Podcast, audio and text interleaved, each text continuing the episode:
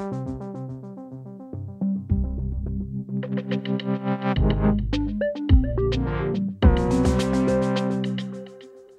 morgen og velkommen til en uafhængig morgen her på Frihedsbredet. Jeg hedder Christian Henriksen, og jeg er tilbage igen efter en, en god ferie. Og jeg håber, øh, jeg skulle sige, jeg håber også, at I har haft en god ferie. Det har jeg måske, måske ikke haft, men jeg håber, jeg har haft en god tid alligevel. Nu er det blevet mandag, og i dag er dagen, hvor det sker. Og hvad der sker, det ved vi ikke endnu. Vi ved bare, at, at noget sker, for det gør der hver dag. Og de ting, der øh, skaber forandringerne, det er de ting, vi ikke ved, der skal, der skal ske. Og derfor så er i dag måske dagen, hvor det hele sker, eller også er dagen, hvor intet sker, men vi i hvert fald kunne gå i seng og tænke, at når man der skete der i hvert fald et eller andet, og nu skal der ske noget i en, en lille times tid her hos os, og, og selvom vi har legnet programmet op, og, og ved, hvem vi skal snakke med, og nogenlunde, hvad vi gerne vil spørge dem om, så ved vi faktisk stadig ikke, hvad der sker, og det er derfor, at live radio og taleradio generelt er utrolig spændende at høre på. Så du skal have tak, fordi du lytter med. Og så vil jeg også bare lige fortælle dig, at øh, måske du skulle bruge dagen dag på at kigge dig selv i spejlet og øh, sige til dig selv, husk Nick og Jays ord. Du virker klog og smuk med den lækreste krop. Ellers var det... Det var ikke Nick Jay, undskyld. Det var Jon Steffensen, kultur- og udenrigsordfører for Moderaterne. Undskyld. Nå, men først skal vi altså til det. Kan man på lovlig vis holde fester for børn, hvor alkoholen flyder? Vi kan her til morgen på Frihedsbrevet fortælle, at en festarrangør ved navn Rive Events metoder til at øh, lokke børn til fester og omgå alkohollovgivning er havnet på forbrugerombudsmandens bord. Claus øh, Valmod, du er bestyrelsesformand for Natteravnene i Roskilde og har været ude til, til nogle af de her fester, altså ikke som, som festdeltager, men, men som, som Natteravn. Godmorgen. Godmorgen. Det er hvad, rigtigt, ja. Det har jeg. Hvad har metoden været for den her festarrangør, altså Rive Events, øh, for at lokke unge teenager til fester og tage penge for entré, selvom der ikke bliver serveret alkohol? Øh, det, det ved jeg jo kun fra, fra ydersiden, som du siger. Mm. Men senest har de lavet et opslag, hvor de inviterer unge til, til fest, og det siger, de selv må tage alkohol med i en pose. De inviterer dem til fest, er... og siger, de selv må tage alkohol med i, i en pose. Hvad, hvad, hvad skulle problemet være, være i det? Jeg synes, problemet er, at de henvender sig til unge helt ned til, helt ned til 15 år. Mm. Så det synes jeg, det synes jeg ikke er i orden. Øh, jeg synes, det vi oplever som natteravne, når vi er på, på udenfor, det er, at vi ikke synes, at vi opfører sig ordentligt over for de unge mennesker, når de, unge mennesker bliver beruset.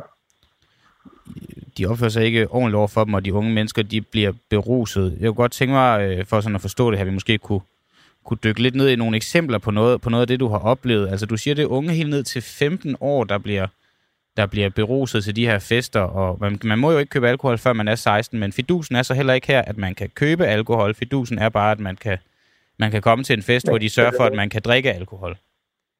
Ja, rigtigt.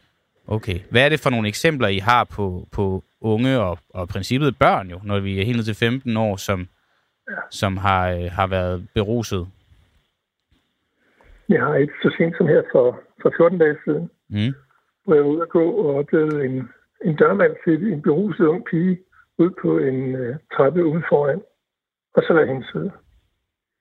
Heldigvis kom en af hendes veninder til, men det med at sætte fulde mennesker ud i i, i, ud i nattelivet, eller ud i kulden, og så overlade dem til sig selv. Det synes jeg, det synes jeg ikke er i orden.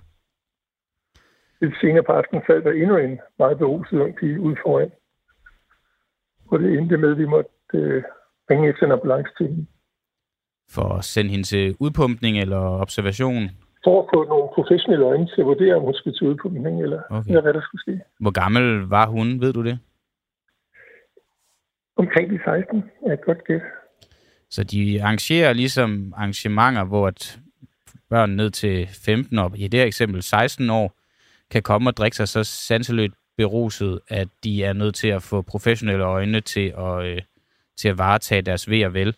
Vi har ikke haft mulighed for at få, øh, få festarrangøren til at stille op her til, til morgen. De har dog sendt os en skriftlig kommentar, som jeg vil læse lidt op af lige om lidt. Men har I været i kontakt med, med festarrangøren? Det har vi ikke. Vi har snakket med, med dørmændene i de øh, episoder, vi har mødt undervejs. Mm. Der er mange andre episoder med, med stedet, som vi, vi har reageret på i situationen, men vi har ikke taget fat i arrangøren, nej. Okay. Øhm, det, de skriver til os, det er, at det er korrekt, at de unge selv kan tage alkohol med til vores fester. Vi har evalueret, om vores fester skal være alkoholfri, men hvis vi gør det, så ved, så skulle nok stå, så ved vi, at de unge øh, ikke vil komme, og så sidder de i stedet rundt omkring og drikker uden opsyn. Vi ser gerne forældre tale med deres børn om alkohol generelt og vejleder. Det er svært for os at kontrollere plus 200 gæster, og så fortsætter de med, at de har noget vagter og personale til at holde øje. Mm. Øhm, jeg vil gerne lige først byde mærke i, i det her med, at øh, de ved, at de unge ikke vil komme til festerne, men i stedet for så sidde og drikke uden opsyn andre steder. Er det som natteravn også din overbevisning? Jeg tænker, at mange af de unge samles her, men hvis de samlede hjemme hos nogen, hvor der var nogle forældre eller nogle andre ansvarlige voksne i nærheden, så ville jeg være mere tryg ved det. Men... Og jeg tænker også, at hvis de samles med forældre i nærheden, så drikker de ikke helt så massivt. Okay, så du, så du tror, at det her massive druk, det vil ikke eksistere på samme måde øh, for de mennesker, der nu har været til de her fester, og de eksempler, du kommer med her, øh, hvis ikke at øh, den her festarrangør, Rive Events, havde afholdt de her arrangementer? Jeg tror under nogle andre omstændigheder vil de formodentlig drikke mindre. Det er min, mit bedste gæt her. Okay. Hvad, kan du det komme... Det, at... Ja, undskyld. Jamen, der kan sagtens være situationer, hvor enkelte af dem også vil drikke meget andre steder. Mm. Men jeg tror som helhed, at der bliver drukket mindre, hvis de er, er hjemme eller steder, hvor der er forældre med jeg tænker sådan dig som, nu er du bestyrelsesformand i natte, hos Natteravnene i Roskilde, jeg er ikke, jeg er ikke lige øh, orienteret om, hvor meget du egentlig også er, er på gaden øh, om, om natten og ud til de her fester, men, men alligevel for dig som, som Natteravn, øh, hvad, hvad føler du, når du dukker op til de her fester og ser, at de her unge har drukket sig så beruset, at der skal professionelle øjne på? Altså hvis det var mig, så ville jeg føle en eller anden form for magtesløshed, fordi at I kan vel ikke gå ind til festen og gøre noget? Nej, det gør vi ikke. Så natteravnen er altid udenfor. Ja. Jo, jeg bliver lidt... Øh, jeg vil ikke sige, at jeg bliver frustreret. Jeg bliver egentlig altså, jeg bliver rigtig, rigtig glad for, at vi er der som natteravnen udenfor og kan gøre noget for de unge mennesker. Men jeg synes jo heller ikke, det er en ordentlig måde, de behandler dem på. Og så bare tage et unge mennesker, dus mennesker, sætte udenfor på en trappe, og så lade dem klare sig selv. Og det er så uanset, om det er, er forår eller vinter, de gør det. All right. Claus øh, Valmod, du er bestyrelsesformand for Natteravnene i Roskilde. Tak fordi du var med her øh, til morgen og øh, hjælper os med at belyse denne her sag, som man jo, øh, som man jo kan dykke mere ned i, og det vil vi også gøre. Du må have en god dag. Velkommen. Jo, tak lige måde. Ja, og øh, god dag fik jeg sagt, og så også øh, godmorgen, som jeg også har sagt lidt øh, tidligere til, øh, til jer, der lytter. Øh, blandt andet til dig, Anders Viborg, der har skrevet godmorgen alle sammen, og til dig, Karen, der har skrevet godmorgen, og Jakob Lund, du har også skrevet godmorgen, og Jo Larsen, du har også skrevet godmorgen, og bliv endelig bare ved med at skrive, og stil også gerne, øh, I må gerne blive ved med at skrive godmorgen også, men I må også gerne øh, stille spørgsmål, øh, som I gerne vil have, vi øh, stiller dem, vi, dem, vi har med. Vi skal snakke om, øh, om lidt af hvert. Nu skal vi tale med direktøren i Divisionsforeningen lige om lidt om... Øh, spilreklamer og ludomani, det er sådan noget, jeg godt kunne tænke mig, at I måske bød lidt ind på, fordi det tænker jeg, at I måske nok har nogle holdninger til. Vi skal også tale med Franziska Rosenkilde lidt, lidt senere om, øh, om hvorvidt, at øh, kokkeuddannelsen skal delvist gøres vegansk, at man skal have en vegansk øh, linje eller vegansk uddannelse på kokkeuddannelsen, det vil de gerne have, og så skal vi tale med Steffen Larsen om, han er retsordfører for Liberale Alliance, ham skal vi tale med om øh, offentlighedsloven, og at øh, den lille opposition nu har samlet sig for at øh, sige, at nu skal den offentlighedslov altså bare lempes. Og øh, det er altså lige om lidt. Men først så skal vi tale lidt om ludomani.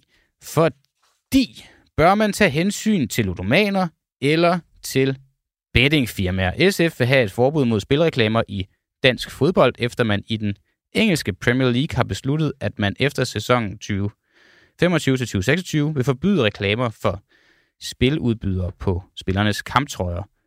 Det bliver dog ikke divisionsforening. Det, det bliver dog ikke divisionsforeningen, der selv tager initiativ til at forbyde spilreklamer på spillertrøjer. Først så skal lovgivningen tvinge klubberne til det, det siger direktøren for divisionsforeningen. Han hedder Claus Thomsen til Danmarks Radio, og ham har vi med lige her om et om et ganske kort øjeblik. Ifølge Karl Valentin fra SF, så er graden af folks eksponering for spilreklamer for massiv, hvilket ifølge ham understreges ved, at lige knap 11 procent af den danske befolkning døjer med spilproblemer. Det er da også en relativt stor chat, lige knap 11 procent, og så er spørgsmålet så, om man skal tage hensyn til dem, eller om man skal tage hensyn til bettingfirmaerne. Men om det er et problem eller ej, det skal jeg sådan set ikke kunne sige. Men det kan være, at du kan sige det. Claus Thomsen, direktør i Divisionsforeningen. Godmorgen. Godmorgen. Er ludomani et problem? Det tror jeg ikke, man skal spørge mig om. Okay. Det skal man måske spørge selv og få ludomani eller nogen andre om. Men jeg gav men uh, ludomani er formentlig et problem. Ja, jeg kan sige, øh, lige knap 11 procent af den danske befolkning døjer med spilproblemer. Øh, det, det, det kan du alligevel godt strække dig så langt som at kalde for, for et problem. Jeg, jeg synes ikke, jeg har den professionelle kompetence til at udtale mig om, øh, om det. Men det, man skal selvfølgelig forholde sig svar, ansvarligt i forhold til spil. Jamen, du har vel en, en kompetence i og med, at du varetager et område, hvor at øh, spiller betting øh, firmaer reklamerer, og, øh, og også i, i, i, nogen, i nogen grad, endda i høj grad ved, vil, vil nogen sige. På den måde tænker jeg vel godt, at dine kompetencer kan komme i spil i forhold til, hvorvidt at ludomani er et problem. Men jeg hørte dig så alligevel, undskyld den lange tale her, jeg hørte dig så alligevel sige, at, at, at du trods alt godt vil anerkende det som et problem. Okay. Selvfølgelig er ludomani et problem. Mm. Okay. Ellers hedder det ikke ludomani. Jo. Nej, det er rigtigt. Er der en chance for, at de mange spilreklamer i dansk fodbold bidrager til, at antallet af danskere med spilproblemer stiger?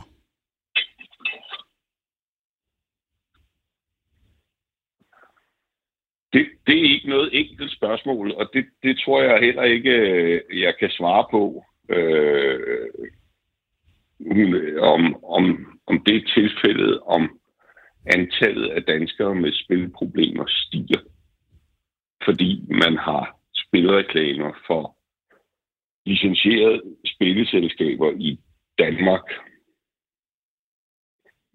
Så det, at man er døjer med spilproblemer, måske er ludoman, måske endda har været tidligere ludoman, og så bliver eksponeret for spilreklamer på fodboldtrøjer eller øh, i altså Nordic Bet Ligaen, det, det hedder hele ligaen jo i, i første division. Det, det, det vil du ikke kunne sige, om du tror kunne øge risikoen for, at man som ludoman får lyst til at spille? Nej, det kan jeg ikke. Hvad er fidusen så i at reklamere, øh, hvis det ikke det er for at få folk til at spille? Øh, jo, men det er jo derfor, jeg sagde, at det var en, en, en kompliceret problemstilling.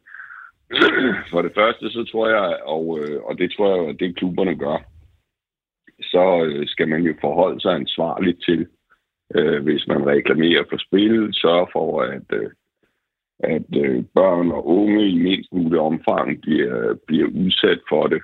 Øh, forholde sig, hvad klubberne også gør til at, øh, at deltage i aktiviteter, som, øh, som er med til at begrænse uhensigtsmæssig spiladfærd. Så så det er, og den måde at forholde sig ansvarligt til det på, den findes jo ikke, hvis man flytter det her, øh, hvis man flytter annoncering for betting over i øh, andre steder, som kan være annoncering for spilselskaber, som slet ikke har licens til at annoncere i Danmark, og, og spilselskaber, som derfor ikke er forpligtet til at forholde sig ansvarligt over for noget som helst, der har nogle helt andre profiler. Har du nogle så eksempler på, at det scenarie, der udspiller sig så frem, at de fra divisionsforeningens side af skulle øh, forbyde spilreklamer i, øh, i fodbold? Altså, vi for, division, vi for, ej, det har jeg jo ikke, fordi hvor, hvor, hvordan skulle jeg have det? Hvor ved du det så fra? Øh, men, at det er et tænkeligt scenarie, at øh, sådan lidt luskede spilfirmaer også vil kunne komme til at reklamere på alle mulige luskede platforme? Du spurgte, hvad, du spurgte, hvad jeg synes så sagde jeg, at det, oh, var, at det var det, jeg synes. Men hvis vi så, nu, øh, du anerkender, at det er et problem, ludomani, i en eller anden grad, og vi, vi diskuterer også, hvorvidt, at man, i og med, at man bliver eksponeret for øh, spilreklamer, kunne have lyst til at spille. Altså reklamer er vel til, at, til for at give øh, forbrugere en lyst til at benytte sig af det, der bliver reklameret for.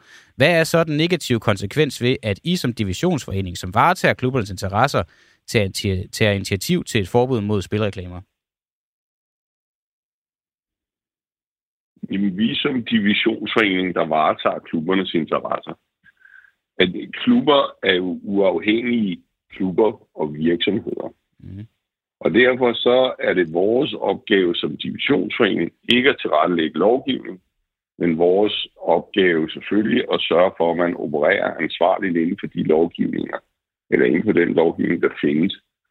Men derudover er det altså klubbernes, fri, altså klubbernes valg, fordi der er fri erhverv, og, og det er deres frie erhvervsudøvelse inden for den gældende danske lovgivning, ligesom det gælder for alle andre virksomheder i Danmark. Så, så det er sådan set det, vi har en, en pligt til at varetage. Og så har vi selvfølgelig pligt til at varetage, at vi altid arbejder ansvarligt med de ting, der er, og det har klubberne enkeltvis også pligt til at varetage. Og det er også mit indtryk, at de gør det. Vil det sige, at man under de her, øh, den her ordning, I nu har lavet med, med, med frie interesser osv., at det vil være muligt for klubberne Nej, at reklamere? Det er ikke, det er ikke nogen ordning. Det er ikke nogen ordning. Konstellation så? Altså, Hvad skal nej, det er heller ikke nogen konstellation. Nej, det er et grundlæggende ikke... juridisk vilkår for, for, at drive, for at drive virksomhed i Danmark og være borger i Danmark, at, at lovgivningen er gældende for den måde, man tilrettelægger sit erhverv eller sin tilværelse i øvrigt på. Mm, men vil det så sige, at man, hvis det holder sig inden for lovens rammer, kan reklamere for hvad som helst i fodbold og øh, divis, altså inden for divisionsforeningens rammer, så længe at klubberne selv synes, det er okay at reklamere for det? Ja, det er jo sådan, det er. Okay. Ligesom det gælder for alle andre erhvervsvirksomheder i, øh, i Danmark, så må man reklamere for det, der er inden for, for lovgivningens rammer. Det må man også, hvis man er en professionel fodboldklub og en virksomhed i den forbindelse. Det lyder så til, at nu vil du ikke kalde det en ordning eller en konstellation, jeg ved ikke helt, hvad vi så skal kalde det. Nu kalder vi det bare for de, de rammer, der så er. Jamen det, det, lyder til, det, lyder det, til, det, det, det, det, det er, at man, at man holder sig inden for den gældende dansk lovgivning. Men vil det være ulovligt for divisionsforeningen, vil det være ulovligt for divisionsforeningen at melde ud, at nu dropper vi spilreklamer? Vil det være ulovligt for divisionsforeningen at omdøbe Nordic Bet Ligaen til at hedde noget andet end Nordic Bet? Nej, nej. Når, vi, når, når det er Nordic Bet Liga, så er det jo fordi, at vi har valgt at lave et samarbejde med Nordic Bet, og Nordic Bet synes, at det er... Og, og at vi synes, at, at det kan man godt. Så Hvis det vi, synes I, det kan man godt. Så det er sådan set ikke ulovligt for jer at, at, at droppe det. Så det der nej, så... Det, det, det, der så nej, for det, nej, for det er en aftale, vi har. det er en aftale, I har, præcis. Men hvorfor ja, vil I ikke lave den aftale om? Fordi, ja, men jeg vil gerne stille mit spørgsmål, fordi jeg forstår ikke, hvorfor I ikke vælger... Der er flere forskellige ting på en gang. Jamen, nej, men, men hvad for nogle af dem skal jeg svare på? Jamen, jeg, jamen, jeg er i gang med at stille spørgsmålet nu. Jeg, jeg, er gang, jeg er i gang med at stille spørgsmålet nu. Det, det er mit overordnede spørgsmål for det her interview. Det er, hvorvidt man bør tage hensyn til ludomaner eller til bettingfirmaer. I siger, at de vil holde fast i jeres aftale med Nordic Bet. Det for mig vækker spørgsmål om, hvorvidt at I så i den konstellation tager hensyn til, øh, til bettingfirmaerne frem for ludomanerne. Hvorfor gør I det? Det mener jeg heller ikke, vi gør. Men hvis du anerkender, ludomani er et problem, og hvis vi bliver enige om, at reklamer er til for at aktivere forbrugere, og dermed også forbrugere, der måske i sidste ende bliver til misbrugere, Jamen, der... så tager I vel hensyn til bettingfirmaerne, i det her tilfælde Nordic Bet, i højere grad I så hensyn til potentielle ludomaner og allerede ludomaner? Nej, det synes jeg ikke, vi gør. Mm. Og øh, det synes jeg ikke, vi gør, fordi at, øh, at det med, at der reklameres for spil, og at der kan spilles forskellige steder, så længe det overhovedet er lovligt og en mulighed. Og måske så længe det overhovedet er en mulighed. Fordi at, at, at der findes også mulighed for at spille, selvom det ikke er lovligt. Så, så tror jeg, at der er annonceringer og reklamer øh, for alle mulige forskellige, øh, for forskellige former for spil. Og det kan man have i kontrollerede rammer, hvor man har mulighed for at forholde sig ansvarligt til det, hvor man har mulighed for at gøre rigtig meget ud af forebyggende indsatser.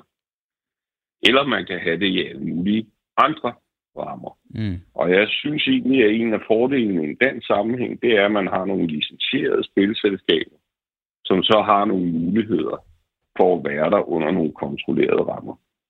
Det kan man jo fjerne, og så flytter man det over til ikke licensierede spilselskaber. Hvad er det for nogen, og, og hvor ved du det fra? Men, hvis du går på internettet og prøver at finde nogle spilselskaber, som ikke opererer i Danmark, så vil du finde det. Men hvor ved du fra, at fordi at Nordic Bet Ligaen ikke skal hedde Nordic Bet Ligaen længere, så vil folk begynde at bevæge sig over til ikke... Hvor ved, hvor, ved du, hvor ved du fra, at nogen spiller, fordi at noget hedder Nordic Bet Ligaen? Det ved jeg heller ikke, om nogen gør. Jeg stiller bare spørgsmålet. Også jamen, fordi, så, at... jamen, så har vi jo... Nå, nej, vi har bare en diskussion så. Ja, men, men jeg stiller... Ikke, det... Ja, hvad siger du? Nej, men det er, det, er, det, det er et synspunkt, jeg har. Så lad mig sige det sådan. Okay. Men er det et synspunkt, der tager mere hensyn til bettingfirmaerne end ludomanerne? Det, det har jeg jo ingen vurdering af. Men det, det har du ikke du. vurderet? Du har ikke vurderet, om dit synspunkt det tager har jeg. nogle dårlige lige, hensyn? Lige nu, jo.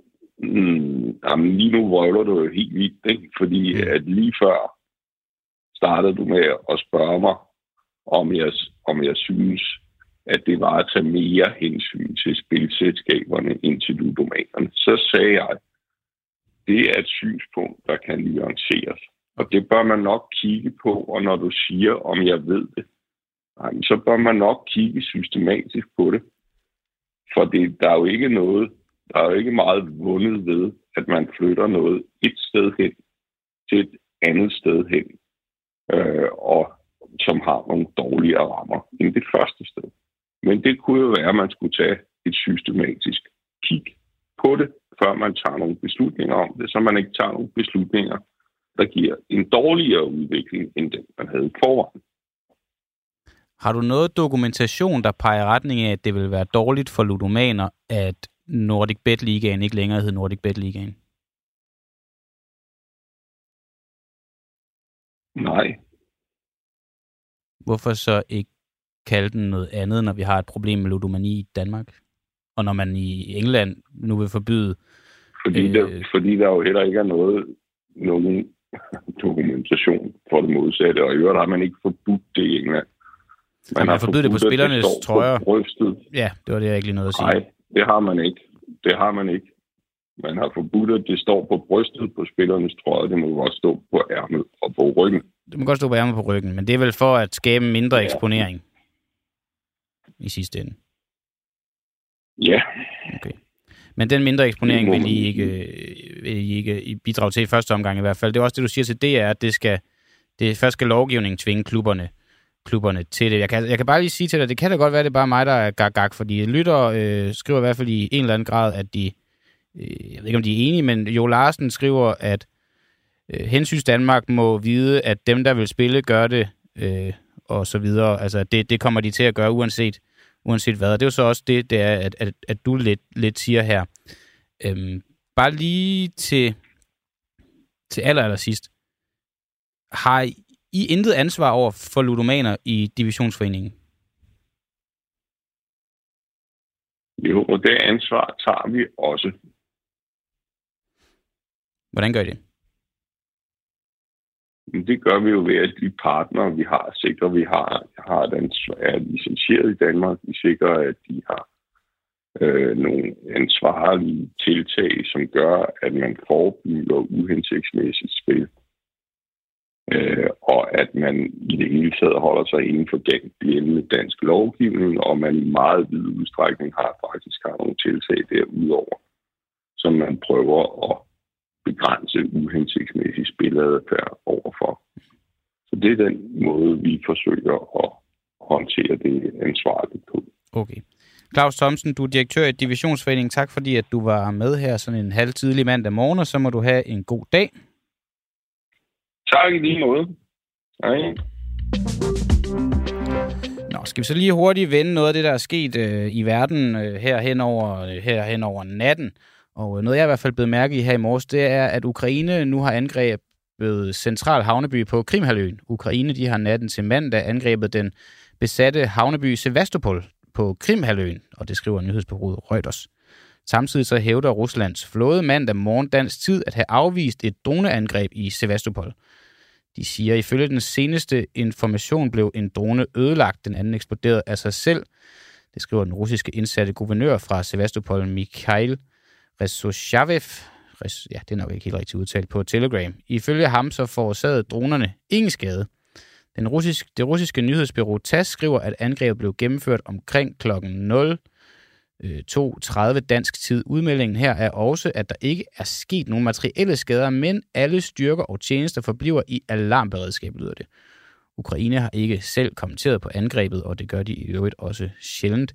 Sevastopol er den vigtigste havneby på Krimhalvøen med en flådebase, som Ukraines militær har forsøgt at angribe med droner ved flere lejligheder i løbet af de sidste par måneder.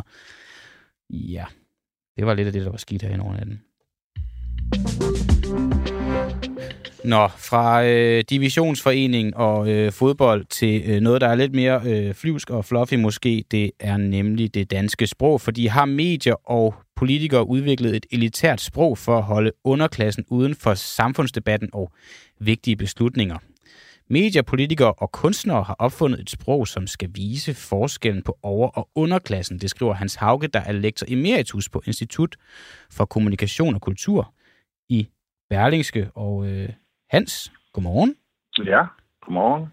Ændrer medier og politikere bevidst i det danske sprog, så almindelige borgere ikke kan forstå, hvad der bliver sagt? Ja, det er selvfølgelig lidt hårdt sagt. Mm. Men øh, altså, jeg tror, de fleste, jeg tror, de fleste kan godt mærke, at der er ved at ske en ændring af sprog. Altså, der, der, som om der er ved at opstå to sprog. Og det har jeg så forsøgt at finde ud af. Uh, hvorfor der gør? Altså, og, og, altså fordi de fleste, de fleste vil nok være enige om, at der er to slags sprog, uh, og med de to slags sprog, der er de ting, jeg tænker på, den udbredte brug af engelske ord på dansk, som de fleste jo bemærker. Og så er der den anden tendens uh, til at ændre på betegnelser, altså hele den diskussion om formænd og forkvinder og forpersoner, mm. uh, som også er, i øvrigt er en uh, tendens, som er importeret fra USA. Altså det, det man så kan spørge om, det er, uh, hvem er det, der bruger de der mest bruger alle de der engelske ord, og hvem er det, der laver de andre ord om. Uh, og det er sådan den første konstatering, at der sker en sprogændring. Øh, og det er de fleste. Mange er irriteret over det. Mm. Og forsøger at finde, kan man ikke finde en forklaring på det? Altså, hvorfor er der nogen, der gør det? Øh, og så øh, har jeg altså så grebet til nogle ældre øh, sociologiske teorier om flere sprog, som man især øh, arbejdede med i England i øh, 60'erne. Øh, og der arbejdede man med, at der fandtes øh, klassesprog, der fandtes en øh, elaboreret kode, som man sagde, og en restringeret kode, og den ene det var for middelklassen, og den anden det var for arbejderklassen. Og så har jeg så set videre, om det er sådan en, en klasseændring, en klassesprog, øh, som kan forklare, hvorfor der findes de her to sprog øh, i, i Danmark. Det er, det er så til udgangspunktet. Og det andet udgangspunkt, det er, og det kommer også fra sprogvidenskab, det er, at der alt, alle sproglige ændringer har en funktion. Så det er, der, der, der, og så skal man så finde frem til, hvad er funktionen? Altså, hvorfor gør man det? Mm. Og det er så lidt sværere, og der, det kan godt være, som du, jeg tror, du sagde, det var lidt spekulativt. Ja, det bliver det, lidt, tror jeg, det, er. det kommer til at lyde lidt spekulativt, ja, det som der er sådan en bevidst det, det kommer, bagtanke ja, men, bag. Men, jo, men det er bare det, altså hvis nu, hvis nu vi går ud fra, som jeg tror, men kan du komme med nogle eksempler, det. Hans? Fordi at, jeg, det er bare fordi, ja. det er så tidligt om morgen, og jeg tror, både jeg selv og mange ja, lytter, vi har svært ved at se det for os. Øh, kan du prøve at komme med et eksempel på, på en af de her øh, sprogforvirringer, øh, som man måske jo, bevidst skulle Jo, det er den, den, som, den, som er, man oftest hører, det er den der, hvad hedder egentlig en formand? Hedder det en forkvinde, en forperson eller en formand? Mm. Og der, der vækster det jo meget, øh, hvad man siger. Nogen, nogen siger en en, øh, en øh, hvad hedder, der kommer næst for kvinden for øh, eleverne, eller der kommer en næst person eller en mm. forperson. Altså, der, det er jo et helt nye ord. Og så kan man så sige, hvilke funktion, hvad, hvilken funktion har det? At, at, og det forvirrer jo, fordi nogle gange hedder det formand, nogle gange hedder det forperson, nogle gange er det for kvinde. Altså, hvorfor har man så mange forskellige ord der? Men bliver folk så forvirret, så, at de ikke forstår, hvad det handler at, om? Ja, hvad er en forperson for noget? Jamen, det ved det. Jamen, det er jo... Altså, men er det, ikke, er det ikke bare for, Jamen, det det? for, sådan, for alle køn med øh, på, på, på en vogn? Jo, jo, så det har, jo, men der, så har det jo et eller andet med det kønspolitiske at gøre. Og så har det jo også en funktion. Mm. Så er der altså også nogen, der bruger sproget til at bedrive kønspolitik. Så det er jo en af de uh, funktioner, uh, som det har, men det er jo ikke, det er jo ikke, det er jo ikke alle, at uh, man vil jo ikke begynde at sige en bedeperson på en bedeband. Mm. Der sidder det stadigvæk en bedemand. Altså, og, og det, det fører til, at altså, det er jo det er jo et irritationsmoment, men det er jo klart, det har en eller anden, det må jo mm. have en eller anden funktion, og det er den, jeg så forsøger. Hvad, hvad, er, hvad er pointen? Men kan vi prøve... Og er den, den som du siger, er, den så, er det så øh, for at bedrive kønspolitik? Og så ja. må man så sige, hvem er det så, der er ophavsperson, ophavsmand, mm. Ophavskvinde til disse ændringer der? Og så falder øh, svaret, det, det, det må jo være, det er jo ofte medierne, altså der, der hvor jeg hører det, det, det er tit på P1, de har så mange forskellige, så, så der kan være mange forskellige personer inden, der dels er det ene, og dels er det andet, og dels er det tredje. Og så har vi jo ikke et fælles sprog længere. Og hvad er problemet i det, hvis vi sådan skal få nejlet den fast her til sidst? Der, der er problemet det, at, at sprogforskelle, som er i sproget, altså det bruges også til at lave forskelle mm. på mennesker med. Øh, og, og det er en anden af det, man også, som jeg stadigvæk har fra engelsk, at man havde, og nu er jeg så nødt til at bruge engelsk, you og non-you. Mm. Altså det var efter 2. verdenskrig, der skældede man meget kraftigt mellem U og ikke U. Og U, det var dem, der var overklasse, og ikke U, det var dem, der var middelklasse. Og så kunne man høre på sproget, hvilken klasse du kom fra. Og, og det, er, det, er, det er så fordi, altså sproglige forskelle, den bruger vi, ligesom med dialekter, den bruger man også til at markere, at jeg kommer fra Sønderjylland, og du mm. kommer fra Nordjylland. Jo, jo. Øh, og det har den funktion at adskille sig.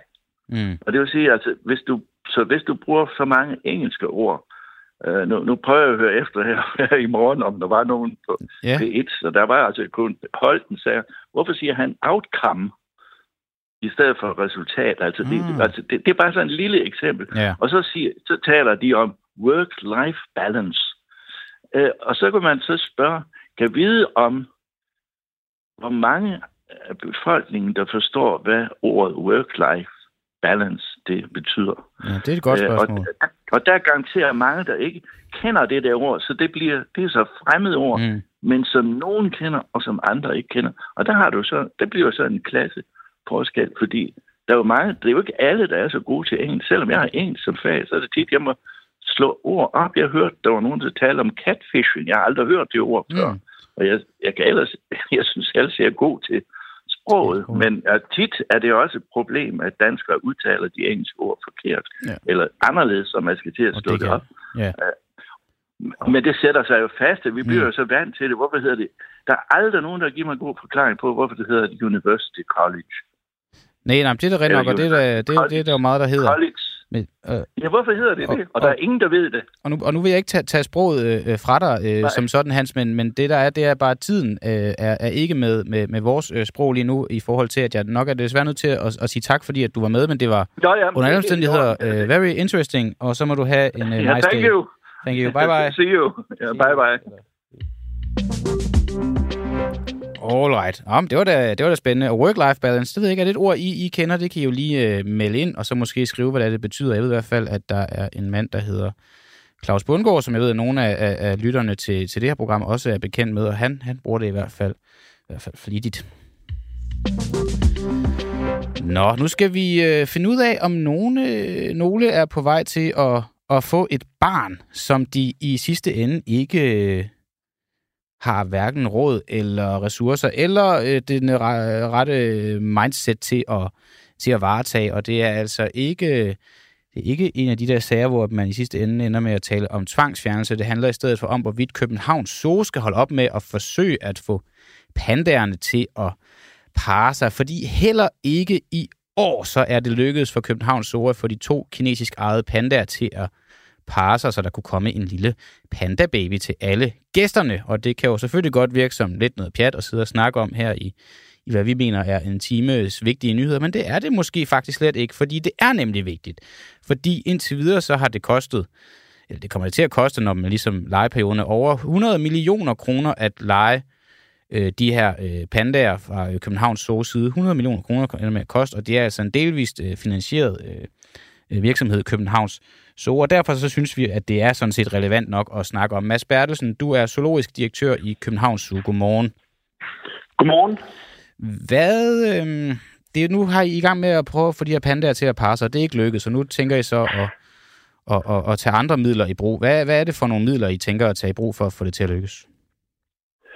Vi har faktisk ikke gjort os de helt store tanker endnu om, hvad vi, hvad vi kan gøre, men, øh, men det som vi tænker, og som jeg også har sagt, er, at hvis det var alle mulige andre dyr, øh, hvor vi havde de her vanskeligheder, jamen, så vil vi overveje, om vi kunne øh, rotere dem med nogle andre i, øh, i samarbejdet. Mm. Altså bytte et af dyrene ud med en, øh, en anden, som måske havde større øh, erfaring, eller, eller, eller så der var større sympati mellem dyrene. Alright. Og det jeg jo så ved, som du selvfølgelig også er klar over, det er, at så fremt det nu skulle øh, lykkes jer at, at få den her panda baby i, i, i, øh, i verden, så står det i jeres kontrakt, at I skal betale Kina 4 millioner kroner Øh, jeg ved, at København Zoo har før haft øh, problemer med, med økonomien. For to år siden, så må de samle penge ind blandt gæster for at få økonomien til, til at hænge sammen. Det, jeg altid spørger mine venner om, når det er, at de fortæller, at de skal have børn, det er, at jeg spørger, har I nu også tænkt det her igennem? Har I råd til at få en panda baby? Det er et rigtig godt spørgsmål, fordi det er jo ikke, det er jo ikke bare øh, den betaling til kineserne, men også øh, foder til, til to ekstra pandaer. Det er mm. nogle af de dyreste dyr, vi har at fodre og det er øh, sandsynligvis nogle eksperter fra Kina, der skal deltage. Så, så det er der selvfølgelig noget, vi har, vi har tænkt på, og, øh, og det er, ja, det er med i overvejelsen. Men hvis I ikke ved, hvor at de her penge nødvendigvis skal komme fra, hvordan I skal få det til at fungere, og I lige har været ude at samle penge ind for at få økonomien til at hænge sammen, var det så ikke bedre at være sikker på, at der ikke kommer en ekstra udgift på 4 millioner kroner om lidt, der sådan der skal betales til, til Kina, som man jo også godt kan kalde for en, en lidt kontroversiel øh, part at få et barn med? jo, altså det her med det kontroversielle, det har vi altså forløbet ladt, ladt vores øh, politikere om. Det er jo, det er jo ikke øh, Københavns Zoologiske Have, der som sådan har de her panda. Det er jo godt nok også, der sidder med, med udgiften, men det er jo faktisk hele Danmark, der har har lånt dem på, øh, øh, på det her diplomatiske øh, visit. Så forløbig så lader vi altså den del af det øh, op til, til vores folkevalgte. I lader den del op til jeres øh, folkevalgte, men det er vel alligevel jer, der i en eller anden grad har en, en bestemmelse over, hvorvidt at man skal forsøge at få pandaerne til at parre sig. Nu er der blevet brugt 100 millioner kroner på det øh, i delvis statsejet, det vil sige, der er altså nogle af de her penge, der er, der er dine og mine penge. Øh, Øh, måske skal der 4 millioner kroner mere i, i spil, så frem babyen kommer. Jeg er nødt til bare at vende tilbage til, om, om I har tænkt det her igennem, fordi hvis det lykkedes at få en pandababy, hvis det måske endda lykkes at få flere, så er det nogle store udgifter, I skal af med, og i en tid, hvor at vi i forvejen øh, er lidt trængte på økonomien, og Københavns Zoo har været det i, i, i lidt tid, så kan jeg da godt være bange for fremtiden for Københavns Zoo, som vi danskere øh, betaler, øh, blandt andet betaler til, at kan, kan, kan stå og eksistere. Har, ved du på nuværende tidspunkt, om I har råd til de her øh, pandaer og til den her potentielle panda-baby?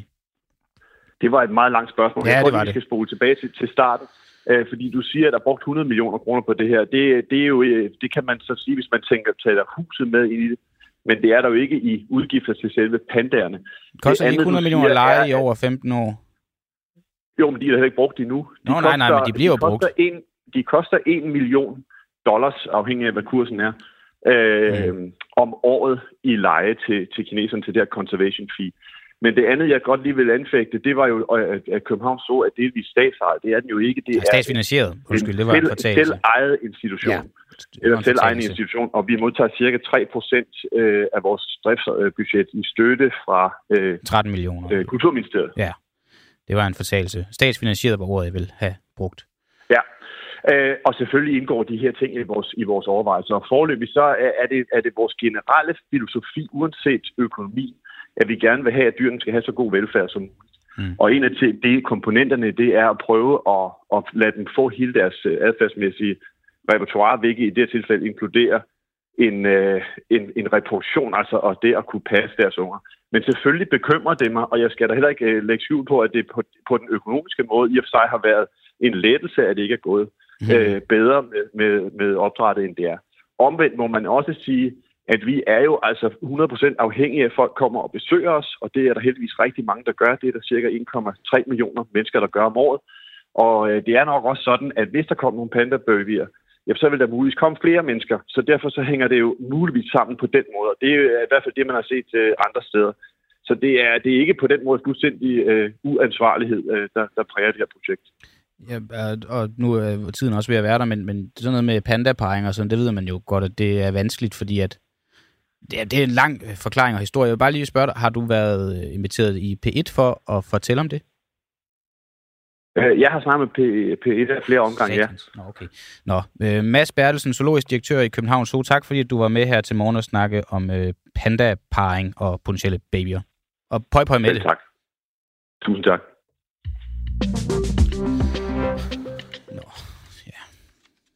Jeg ved ikke, om vi skal håbe, at det nogensinde lykkes for dem med de der pandaer, fordi Altså, pandaer er søde, og, øh, og for pokker da, hvis de så også får en baby, så er det der også... Øh, altså, jeg kan slet ikke øh, øh, holde mig tilbage ved at fortælle, hvor, hvor, hvor, hvor nuttet jeg synes, det kunne øh, se ud med sådan en panda-baby, men øh, hvis jeg så også samtidig lige gør op, at det koster mig i hvert fald til at koste mindst 4 millioner kroner, så kan jeg godt tænke, om det nu også er så god en idé alligevel. Og jeg har jo selv fået et barn, og der er også noget med, at man siger, at det, det koster også mange penge, og det har jeg da i hvert fald mærket på, på egen krop, så jeg vil bare endnu en gang opfordre både øh, Københavns og jeg alle sammen til nu at tænke ekstra godt om, om økonomien er til at sætte mennesker og også pandaer i verden. Er danske kokke for dårlige til at lave vegansk mad? Alternativet ønsker at oprette en kokkeuddannelse på hotel- og restaurantskolen, hvor pensum består udelukkende af plantebaseret mad. Det fremgår af et beslutningsforslag, som partiet har fremsat i Folketinget. Altså de, de ønsker ligesom at gå ind og blande sig i pensum på øh, kokkeuddannelsen og har øh, idéer og øh, ønsker at se, hvordan at den skulle se ud. I forslaget så står der blandt andet, for at lykkes med den grønne omstilling, skal en større del af danskernes mad være grøn og plantebaseret. Det gælder både i hjemmene, når der spises ude i kantiner, offentlige køkkener, øh, og på restauranter og caféer.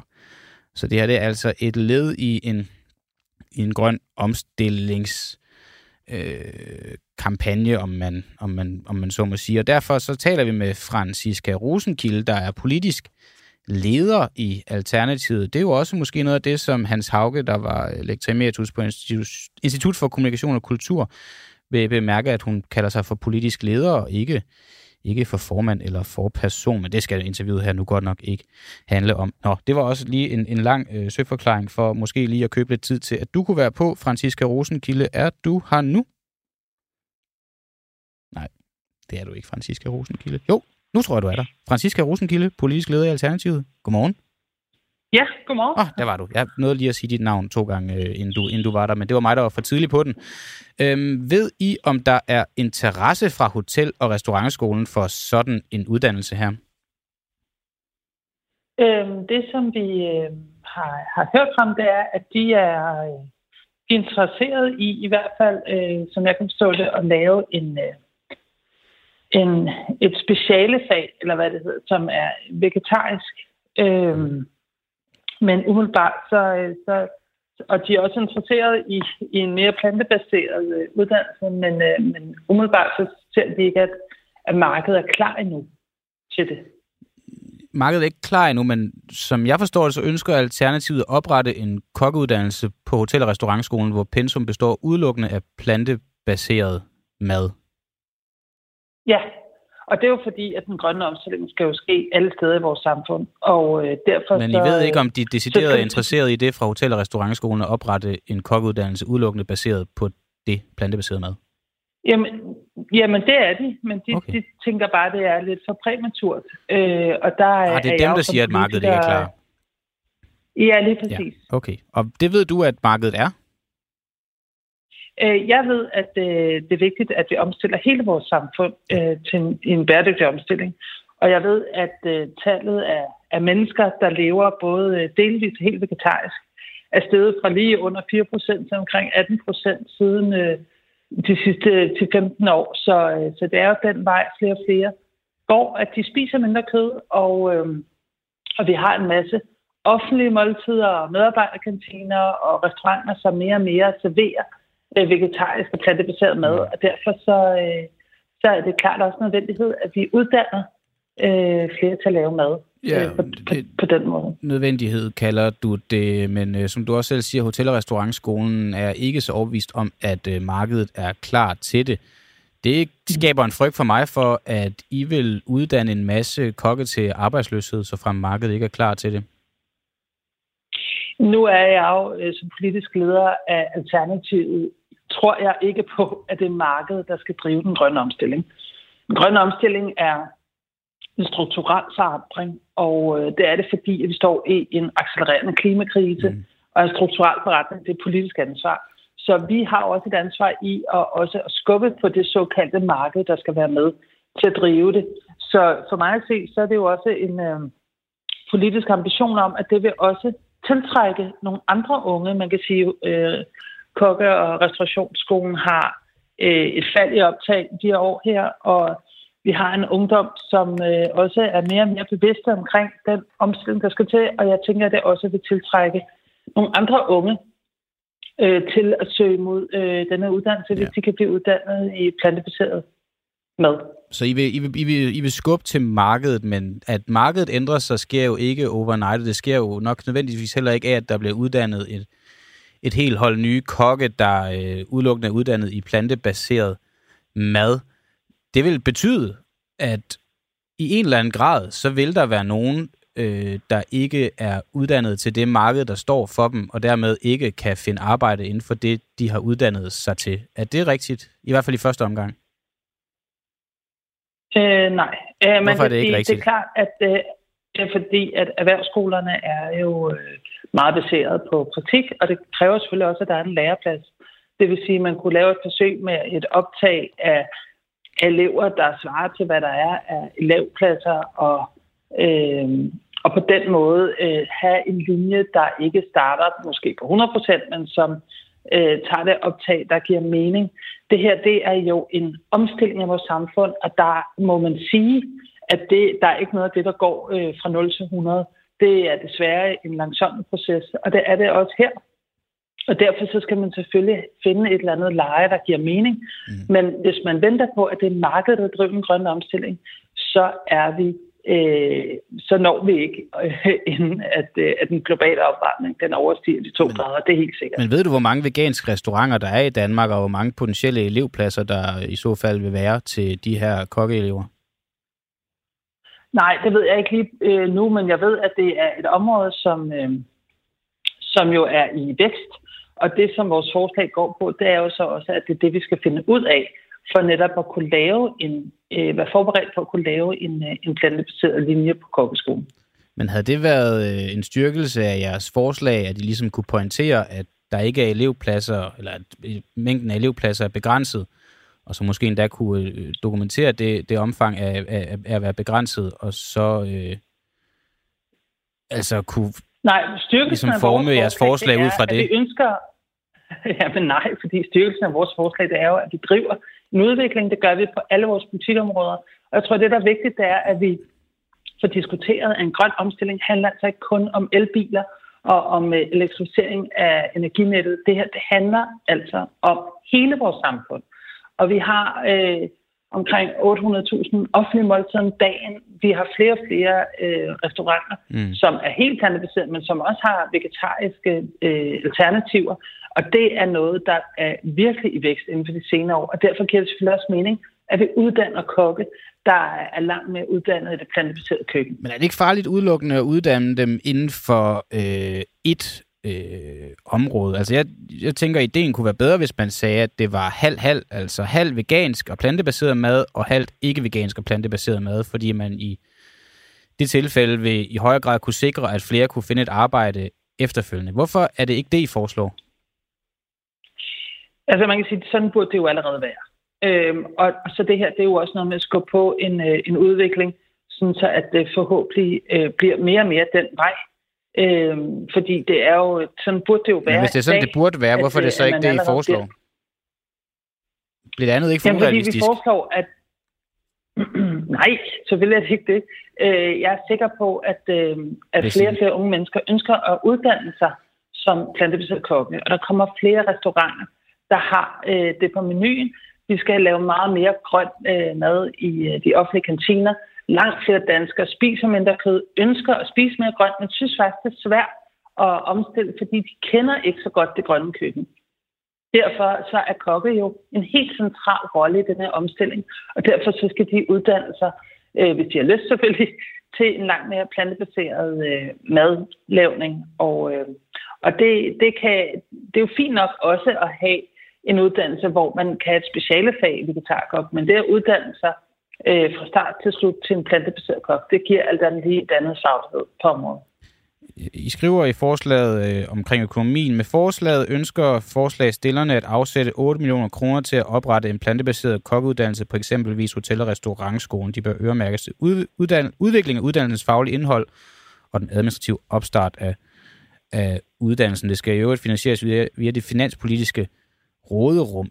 Det er jo også relativt dyrt for at på nuværende, altså for, for at uddanne en håndfuld kokke, som du på nuværende tidspunkt ikke ved, hvor mange skal være, for du ved ikke, hvor mange der er plads til på, på markedet.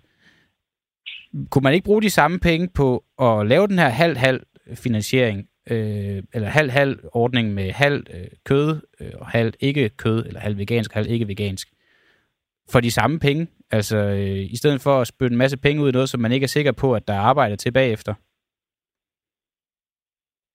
Men det er jo ikke det, vi foreslår. så øh, det, det, vi foreslår, det er, at vi laver en plantebaseret øh, kokkeuddannelse, og bliver øh, mere specialiseret i, at, øh, at unge mennesker, der ønsker at uddanne sig som plantebaseret kokke, de kan gå ind i et marked, som mere og mere bliver et, øh, et plantebaseret øh, marked, både på hvad vi selv køber nede i supermarkedet, men jo også på, hvad vi ønsker, når vi går ud og spiser, eller hvad vi ønsker, når der er, at vi er i, øh, i det offentlige øh, regi, hvor vi enten har vores børn i institution, eller vi selv er i medarbejderkantine, eller hvad det nu måtte være. Mm. Der får, øh, der får lidt øh, lytterkommentarer ind her undervejs i vores øh, interview.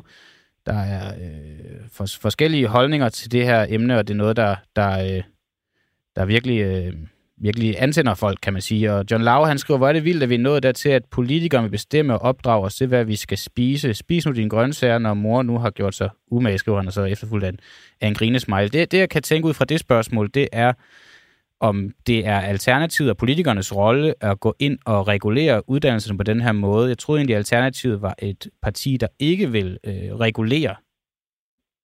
Er det rigtigt? Øh, alternativet er et parti, der arbejder for, for et bæredygtigt samfund. Vi arbejder for omstillingen af vores samfund, så at vi, øh, at vi øh, bekæmper øh, de klimaforandringer, der lige nu sker øh, på vores klode.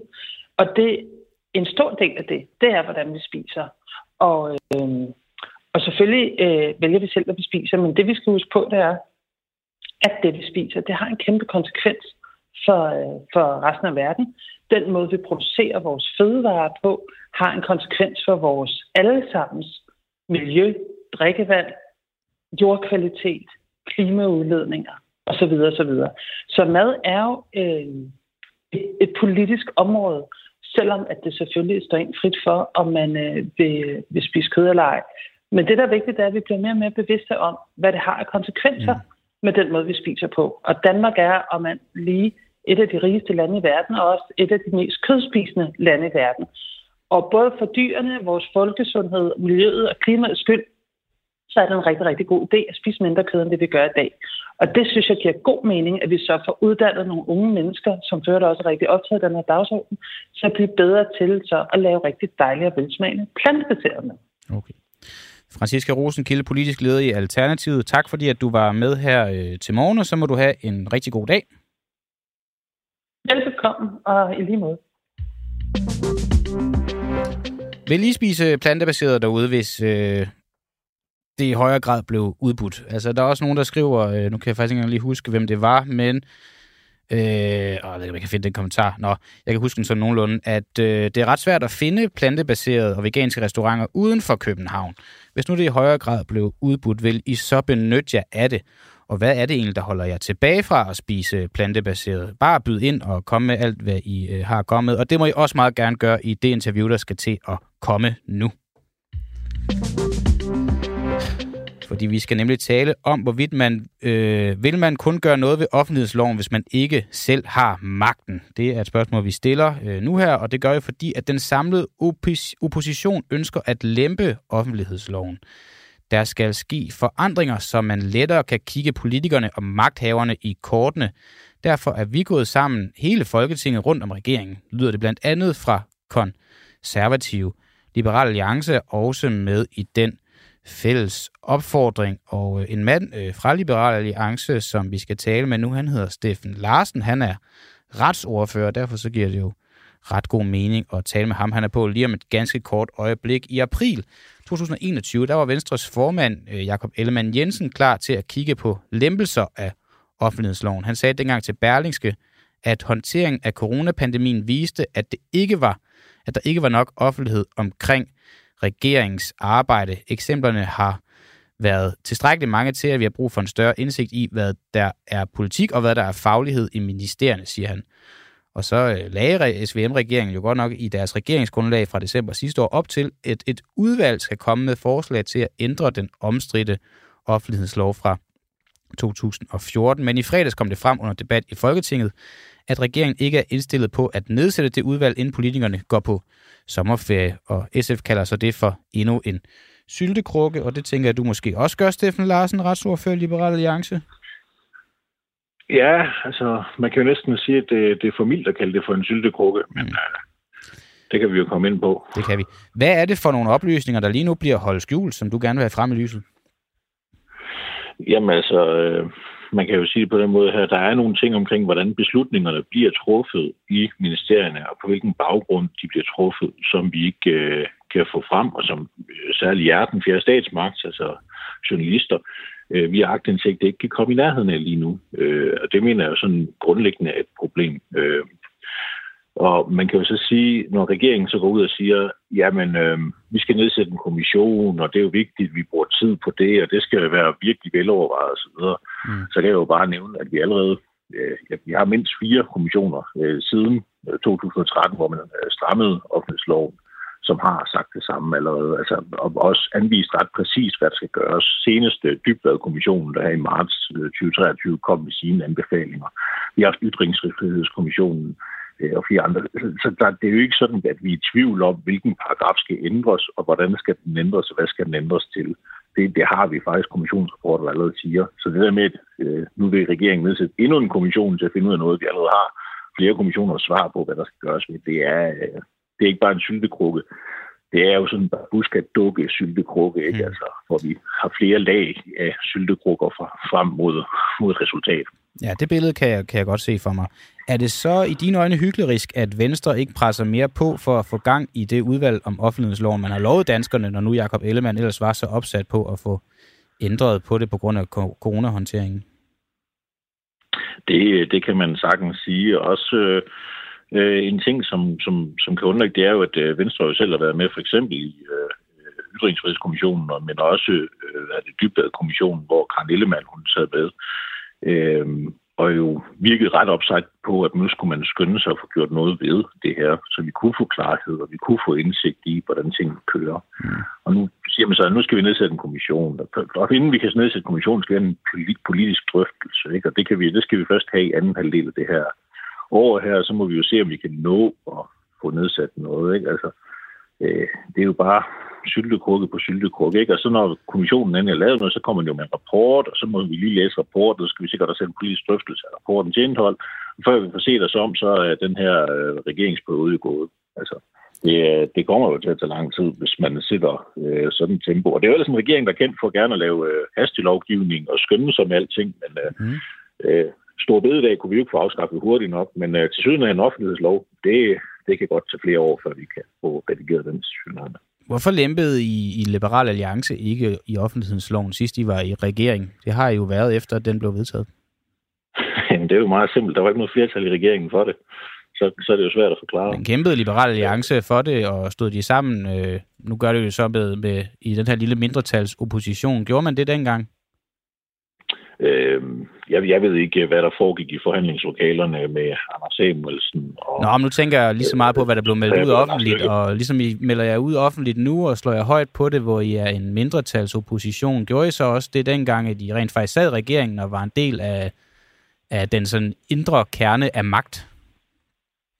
Altså, det der jo er, det er, at de steder, hvor man er i øh, det, opposition til noget, hvis man indtræder en regering, som grundlæggende går ind for en ting, så tilslutter man sig et forlig.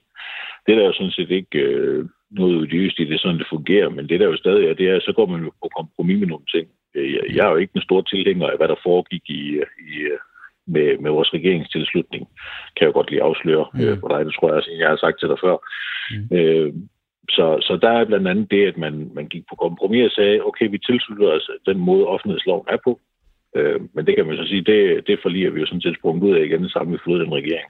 Jo, jo, men, men man sad alligevel som en del af den her indre kerne af magt, som der jeg siger, fra Liberal Alliances side. Du siger du så, at du tilslutter dig ikke, eller du er ikke, jeg kan ikke lige huske ordene præcis, men du sagde, at du var ikke nødvendigvis så glad for, for den regeringstilslutning og arbejdet der. Øhm, vil det så sige, at du synes, Liberal Alliance dengang svigtede et ansvar, I så prøver at tage på jer nu? Øh, ja, det kan man jo godt sige, men altså... Det er jo, Dit eget parti sådan, svigtede sidst, de var i regering. ja, men det kan man jo godt sige, men altså, det er jo stedet, som man skal kunne tælle til 90 for at kunne lave en uh, lov om. Og uh, når der ikke er noget, altså hvis man kan sige på en måde, at det største oppositionsparti, det var Socialdemokratiet. De synes ikke, der skulle laves noget om. Mm. Så kan man jo kigge på Venstre og Konservative, som var med i regeringen. De synes heller ikke, der skulle laves noget om dengang. Jamen, så står man jo sådan set lidt alene, øh, hvis man er i den, i den situation. Øhm, altså, det er, jo, det er jo et problem, når der konstant er 90 mandater nærmest lige meget, hvordan konstellationen er inde på Christiansborg for en lov. Så kan du ikke komme af med den. Og så kan man selvfølgelig sige, at så skulle LA ikke være gået med i regeringen. Nej. Øh, det, er jo, det er jo selvfølgelig det der spørgsmål. Det, er det der, jeg siger, jeg, jeg, jeg, jeg, lige nok, jeg synes jo heller ikke, det var en god idé, vi gik i regering dengang. Jeg synes, vi fik flere problemer ud af det, mm. end vi fik løsninger øh, langt hen ad vejen. Øh, nu var du heller ikke i Folketinget så, dengang, Steffen. Det er, det er du nu. Det er sandt. Kan du så garantere sandt. nu, at Liberal Alliance lemper offentlighedsloven næste gang, I er med i en regering? Øh, så frem, at der kan findes et flertal for det, så skal vi gøre det sådan set så hurtigt som muligt. Øh, nu må vi jo se, det kan jo være, og nu siger jeg ikke, øh, at, øh, at den her øh, SVM-regering her faktisk får gjort noget ved det, men øh, fordi det er jo sådan set lidt syltekrukkeagtigt, det der foregår. Øh, men for mig at se, så, så kan det jo være, at der sker noget. Fordi, men nu har vi jo lovet, at der skal ske noget, så er vi nødt til at gøre et eller andet. Men så er spørgsmålet, om det, de gør, det er det rigtige. Øh, Men er det et ultimativt krav for Liberal Alliance i en regeringsdannelse, end at der bliver lempet øh, i offentlighedsloven? Det kan I vel godt have besluttet jer for inden, at det vil I, ellers så går I ikke med. Du siger også selv, du synes ikke, man skulle have gået med dengang. Måske ja, er det her en dag en af grundene det, til det. Det er, det er jo ikke op til mig alene at beslutte, hvad der er. Nej, men hvis, du nu, øh, hvis nu det var, men, men, hvad, hvis, hvad synes du? Jeg, jeg ville jo synes, det var fornuftigt, at vi havde et ultimativt krav, for jeg mener grundlæggende, at øh, borgerne og øh, hvad hedder det, særligt også øh, journalister og snusager og lignende, de egentlig har en ret til at se, hvad det er, magthaverne foretager sig. Altså folkene på Slottsholmen har magten over landet, og derfor er det meget vigtigt, at vi bliver gået efter i kortene. Altså jeg er jo også en af de mennesker, som der er jo mange folk, der går og forbander øh, det, medierne en gang imellem, når de graver i, hvordan øh, politikere gør ting og så videre, og deres eget liv. Øh, og der er jo en dem, der siger, at det er den pris, vi må betale for at have magt. Mm. Og det, det, det er sådan, det er. Ikke? Altså, øh, det tror jeg ikke, du kommer til at se mig græde over, hvis der er en anden journalist en dag, der spiller en agtindsigt over øh, en beslutning, jeg har truffet, så tror jeg egentlig hellere, at jeg vil bede mit embedsværk om at sende mere end, end, end mindre, hvis jeg sidder med sådan et okay. dag. Det er jo ikke en garanti for det. Det lyder altså, godt nok, men, men, men du siger, det vil være fornuftigt at garantere en lempelse i offentlighedsloven fra Liberal Alliances side. Men du vil ikke som ja. retsordfører for partiet lige nu kunne sige, at Liberal Alliance garanterer en lempelse i offentlighedsloven, så frem de går med i en regering? Det kræver som sagt 90 mandater at kunne lave en sådan ændring, så hvis de har det, øvrige partier, der hvis, med hvis regering, det, ikke, hvis I ender i en regering, så... der har de mandater, så kan I jo godt, inden I går i den regering, garantere jeres øh, vælgere om, at hvis vi går i en regering, så er det med en lempelse af offentlighedsloven. Det synes du er fornuftigt, men du vil ikke kunne garantere, at Liberale Alliance vil stå inden for jeg det. Kan jo ikke, jeg, kan ikke, jeg kan ikke garantere, hvad andre partier gør. Det er lidt Nej, jeg spørger kun om, hvad Liberale Alliance vil gøre.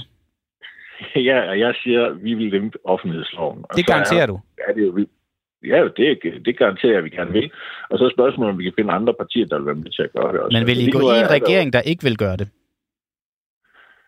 Øh, det, det, det, er, det, det er et valg, med, eller det er en, en mere kompleks størrelse end det, fordi hvad får man ud af at gå i en regering? Altså, det, det er jo også det, der er spørgsmålet. Hvis det er vigtigt for jer. En hel masse, hvis, jeg, hvis jeg nu kan få 95 procent af min øh, øvrige politik igennem, kan det så være det værd, på trods af, at jeg ikke får en vigtig ting som offentlighedsloven igennem. Okay, så, der, det så kunne det, det måske godt være. Okay, så, så det er faktisk det, ikke et garanti. Det, det, I kan ikke garantere det? Øh, jeg kan ikke garantere det, jeg vil gerne gøre det, men altså, det kræver stadigvæk, at de øvrige partier, der går med i den regering, og de partier, der eventuelt vil være støttepartier for det, de vil have ændret offentlighedsloven, ligesom vi vil. Så vælgerne kan øh, ikke forvente med garanti, at så frem Liberal Alliance indgår i en regering, så er det med lovning om en lempelse af offentlighedsloven, ellers så går Liberal Alliance ikke i den regering. Altså, altså lige nu er der jo en sjov ting, det er, at der faktisk er en som, stort set samme opposition, som, øh, som ønsker at lave offentlighedsloven. Mindretalsopposition. Ja, en mindretalsopposition. Og så bliver det jo spændende at se, på den anden side af et valg, hvis nu den opposition pludselig har et øh, flertal imellem sig, mm. og det vil sige, at der ikke er en flertalsregering, men der er et flertal i hele den opposition om at lave offentlighedsloven om. Og så kan det godt være, at det i del af den opposition så er blevet regering så vil det jo være mærkeligt, hvis den ikke vil. Så er det jo det, der den fjerde statsmagt skal til at, øh, sådan noget som dig, Christian. Skal til, ja, lige nok Christian. det er helt jo. Jeg ved, ikke, jeg ved ikke, hvorfor jeg tænkte på Christoffer Eriksen pludselig, men det er jo nok, fordi de smeltede sammen med, med, med frihedsbrevet. Uh, nå, men uh, at, at der tænker jeg faktisk, at man uh, skal slå til, uh, til de partier, som så pludselig måske ikke vil være med til. Hvis de nu lige pludselig skifter holdning til så det. Måske så måske kunne være Liberal Alliance. Det kan du ikke love, det ikke bliver. Jeg vil sige på den måde, at jeg tror ikke, at Liberal Alliance lige ændrer politik på det område. Det vil vi gerne have. Men mindre I får noget andet til gengæld. Det er vel også bare det, Jacob Ellemann han har gjort, som du nu kalder for en hyggelig, der sidder i en øh, tredobbelt syltekrukke. Han har vel bare fået noget andet til gengæld. Ja, det kan man jo selvfølgelig godt Det lyder jo så til, at du synes, det er en fair nok begrundelse for ikke at overholde øh, det, man gerne vil love vælgerne.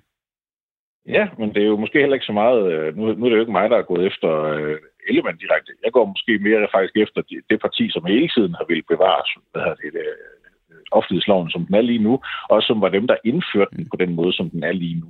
Netop Socialdemokratiet. Okay. Øh, jeg har da et indtryk af, at det der, det ikke er en ting, der er groet i Venstres have, når nu de har øh, netop arbejdet så hårdt på øh, faktisk at få alle de her kommissioner så i verden tidligere, øh, så kunne det jo være, at øh, det måske var, at de faktisk vil ændre det. Altså, jeg tror da ikke, Karen Ellemann, hun sad i, øh, i den kommission øh, for sjov. Jeg tror da ikke, at den kommission kom med anbefalinger om, hvem hvad man skulle gøre præcis ved øh, hvad hedder det, øh, offentlighedsloven for sjov. Jeg tror faktisk, at, at, øh, at der har været nogle folk, der faktisk mente i Venstre, at det skulle gøres noget ved. Øh, og så sidder de så selvfølgelig i det her kompromis her, som jeg siger, det kan man risikere. Mm. Øh, og så er det jo selvfølgelig, fordi de har indgået et kompromis om at gøre Mette Frederiksen til statsminister. Øh, det der, der er deres problem længere.